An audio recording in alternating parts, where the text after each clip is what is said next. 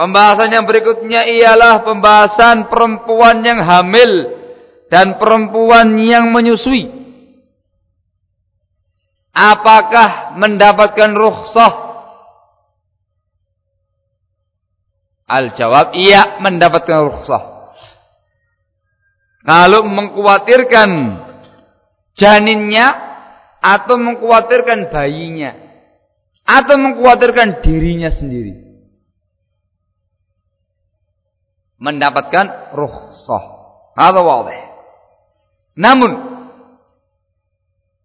apakah perempuan yang hamil atau perempuan yang menyusui yang mengkhawatirkan janinnya atau bayinya tadi ketika dia berbuka puasa, tidak puasa, kena kena qada ataukah kena fidyah ataukah kena dua-duanya ataukah tidak dua-duanya?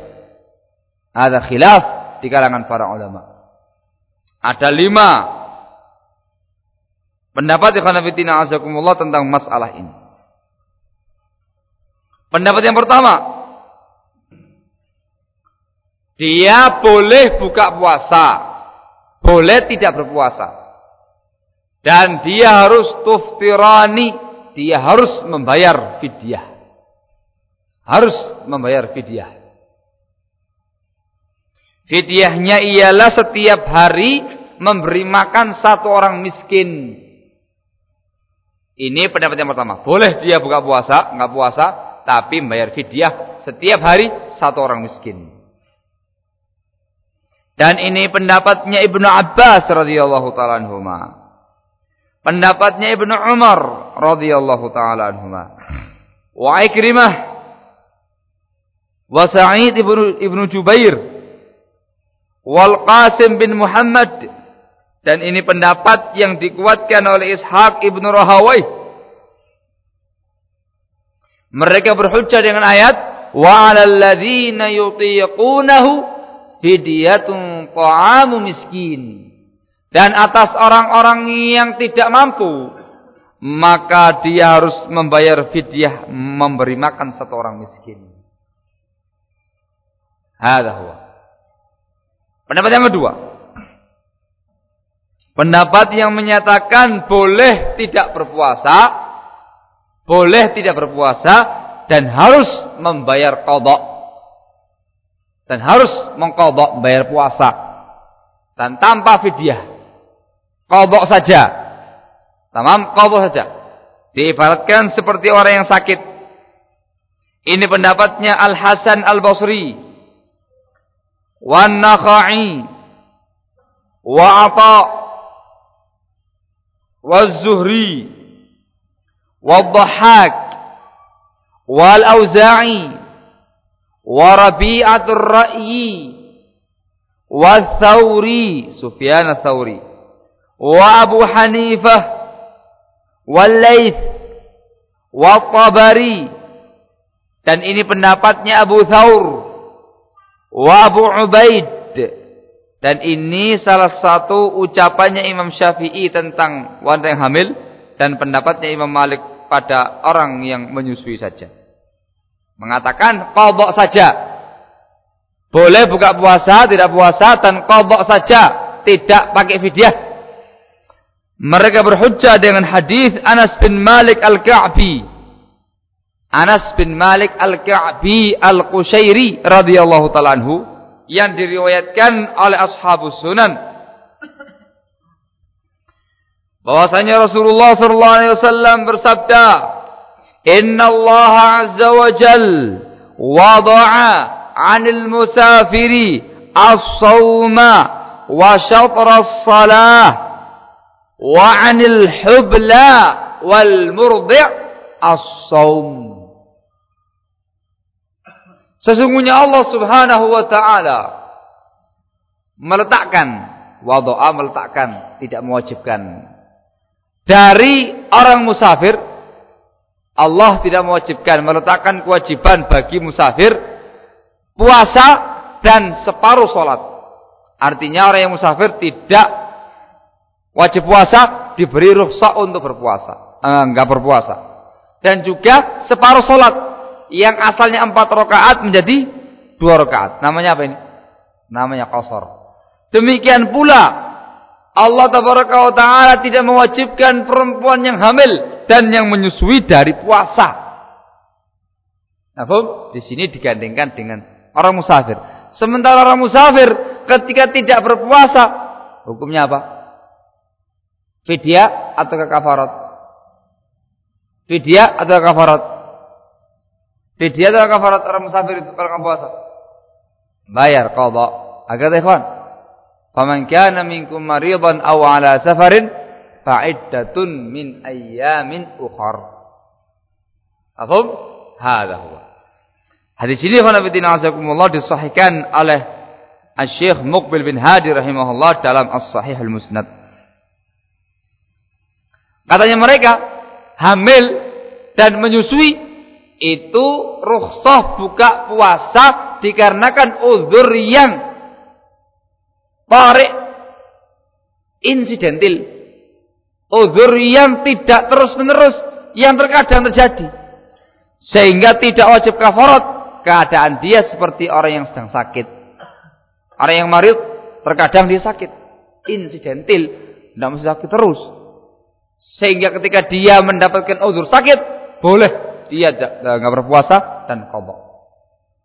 Pendapat ini khonafidina azakumullah yang dirojihkan oleh Syekh Muqbil bin Hadi rahimahullah wa Syekh Ibnu Bas rahimahullah dan ini bahkan fatwa lajnah daimah wa Syekh Ibnu Utsaimin rahimahullah taala yang sahih yang rajih dari pendapat yang lima atau enam ini ialah bahwasanya perempuan yang hamil atau yang menyusui itu hukumnya sama kayak orang yang sakit.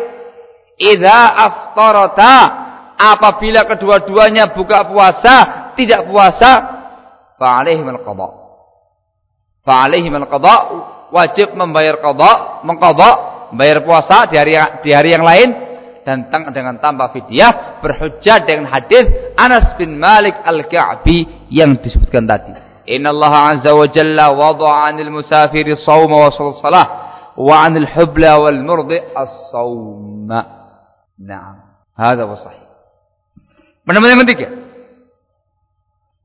Pendapat yang ketiga ialah kalau mengkhawatirkan dirinya saja atau mengkhawatirkan dirinya dan janinya atau bayinya maka diperbolehkan untuk buka puasa tidak berpuasa dan wajib membayar kodok dengan tanpa fidyah.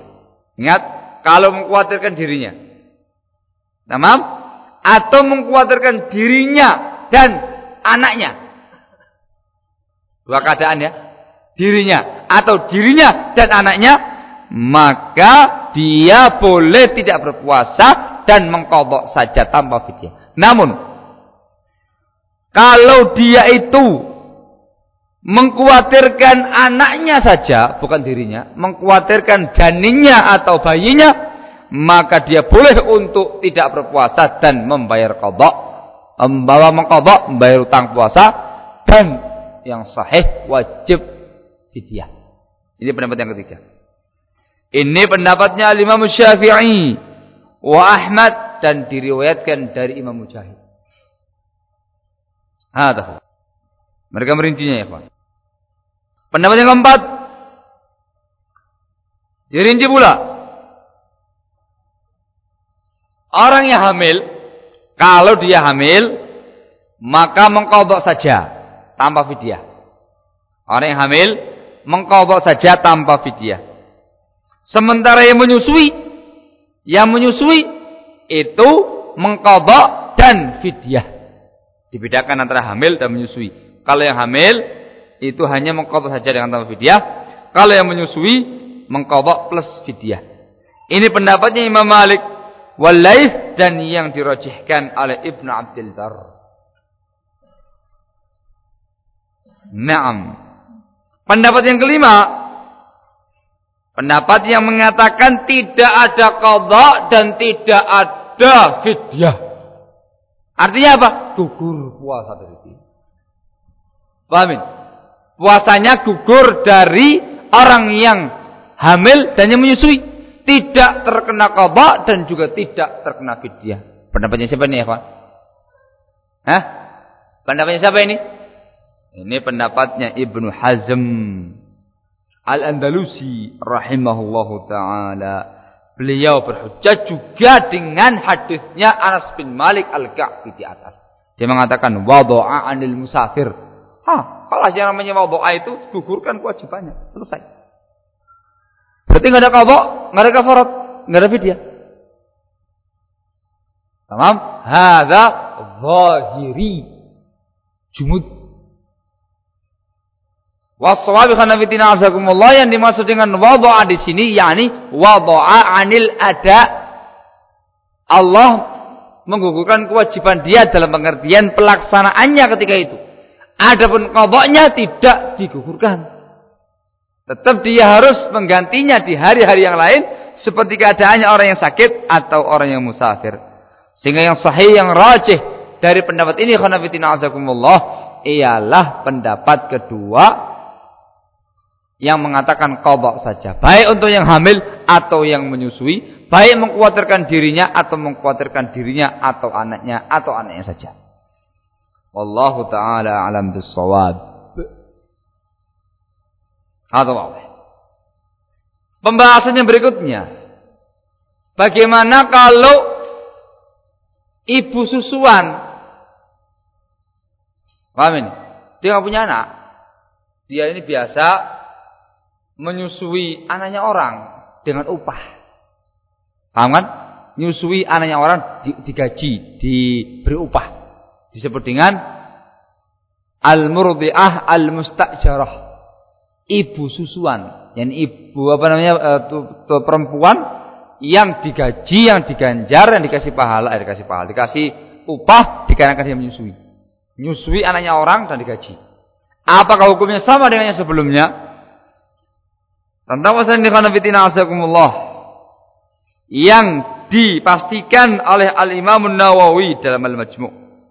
Dan ini pendapat yang beliau benarkan dan, dan yang beliau sahihkan bahwasanya hukumnya sama dengan wanita yang menyusui anaknya sendiri.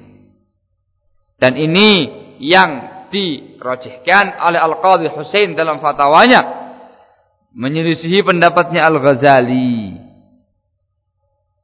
Naam, hadza wa sahih ikhwan sebab tidak ada dalil yang membedakan antara ibu yang menyusui anaknya sendiri ataukah perempuan yang yang digaji atau diberi upah karena dia menyusui.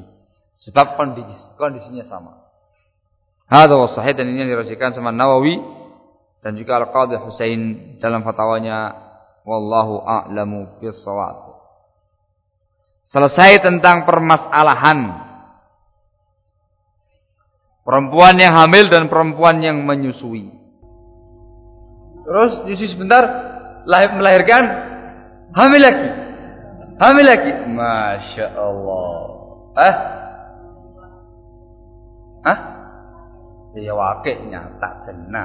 Aku ngalami empat kali. nah, anak papat tak kabeh. Eh, lahir. Enggak lama hamil.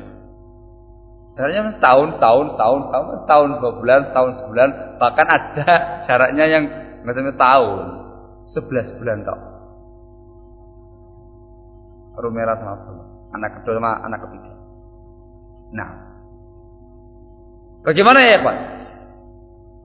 Tayyib, menurut pendapat yang merojehkan kodok, ialah mereka mengatakan ya harus kodok sampai menunggu keadaan dia mampu. Harus kodok. Kalau misalkan dia keadaannya demikian sampai empat kali empat tahun berturut-turut dihitung saja 30 kali empat 120 hari.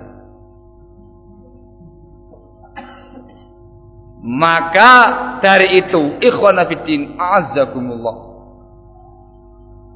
dinasihatkan kepada para suami untuk memberikan jeda kepada istrinya supaya sang istri tadi itu bisa menyaur puasanya. Ada yang, pertama. Atau yang kedua, sang ibu tadi mengajak bayinya atau janinnya untuk berpuasa. Dan itu tidak semua perempuan itu mengkhawatirkan dirinya. Masing-masing itu relatif tergantung kondisi perempuan tadi itu. Kalau misalkan perempuan tadi itu kuat fisiknya, dibawa puasa bayinya nggak ada masalah puasa. Ya namanya bawa puasa ya rewel maklum, rewel sebentar nggak ada masalah. Bawa puasa. Tamam? Itu jalan di antara jalan keluarnya. Imma kasih jeda. Ya dua tahun baru hamil lagi, gitu loh. Setahun lagi, setahun lagi, setahun lagi, setahun lagi. Kelenger. Eh, Allah musta'an. Kalau kenyataan bagaimana itu? Dengan cara yang kedua itu. Dengan cara diajak puasa. Kalau dia membawa bayi dan bayinya itu masih umur-umur nyusui, masih tiga bulan, empat bulan, itu ibunya bawa berpuasa, sahurnya yang banyak. Ibunya itu. Sahur yang banyak, minum yang banyak. Sehingga dari sahur tadi itu, itu bisa menghasilkan susu yang bagus sampai awal siang. Saya lah kira-kira. Pada zuhurnya sudah panas susunya sudah nggak enak, sudah nggak doyan bayinya itu. Ya kamu sementara ya kamu kasih susu kaleng, nyusu sama sapi. Eh, susu kaleng. Apa namanya susunya di sini? Ah, dengko. Susu bayi dengko. Susu apa namanya? Ah, apa namanya susunya di sini? Oh, Pak. SGM, SGM 1, SGM 2, lak apa namanya? Oh, lah kalau itu. Wes. Ojo oh, Turun pengalaman, turun pengalaman. Allah kan. Begitu dikasih susu sampai menjelang sore. Begitu dia waktunya buka puasa, makan lagi yang banyak sampai paginya hari ini nggak ada masalah. Dan itu sudah saya saya coba beberapa kali berhasil nggak ada masalah. Rewel sebentar. Kasih. Enggak air madu. Kalau enggak air susu sapi maka dan hasil. Sehingga utangnya nggak banyak. Wallahu taala alam bisawab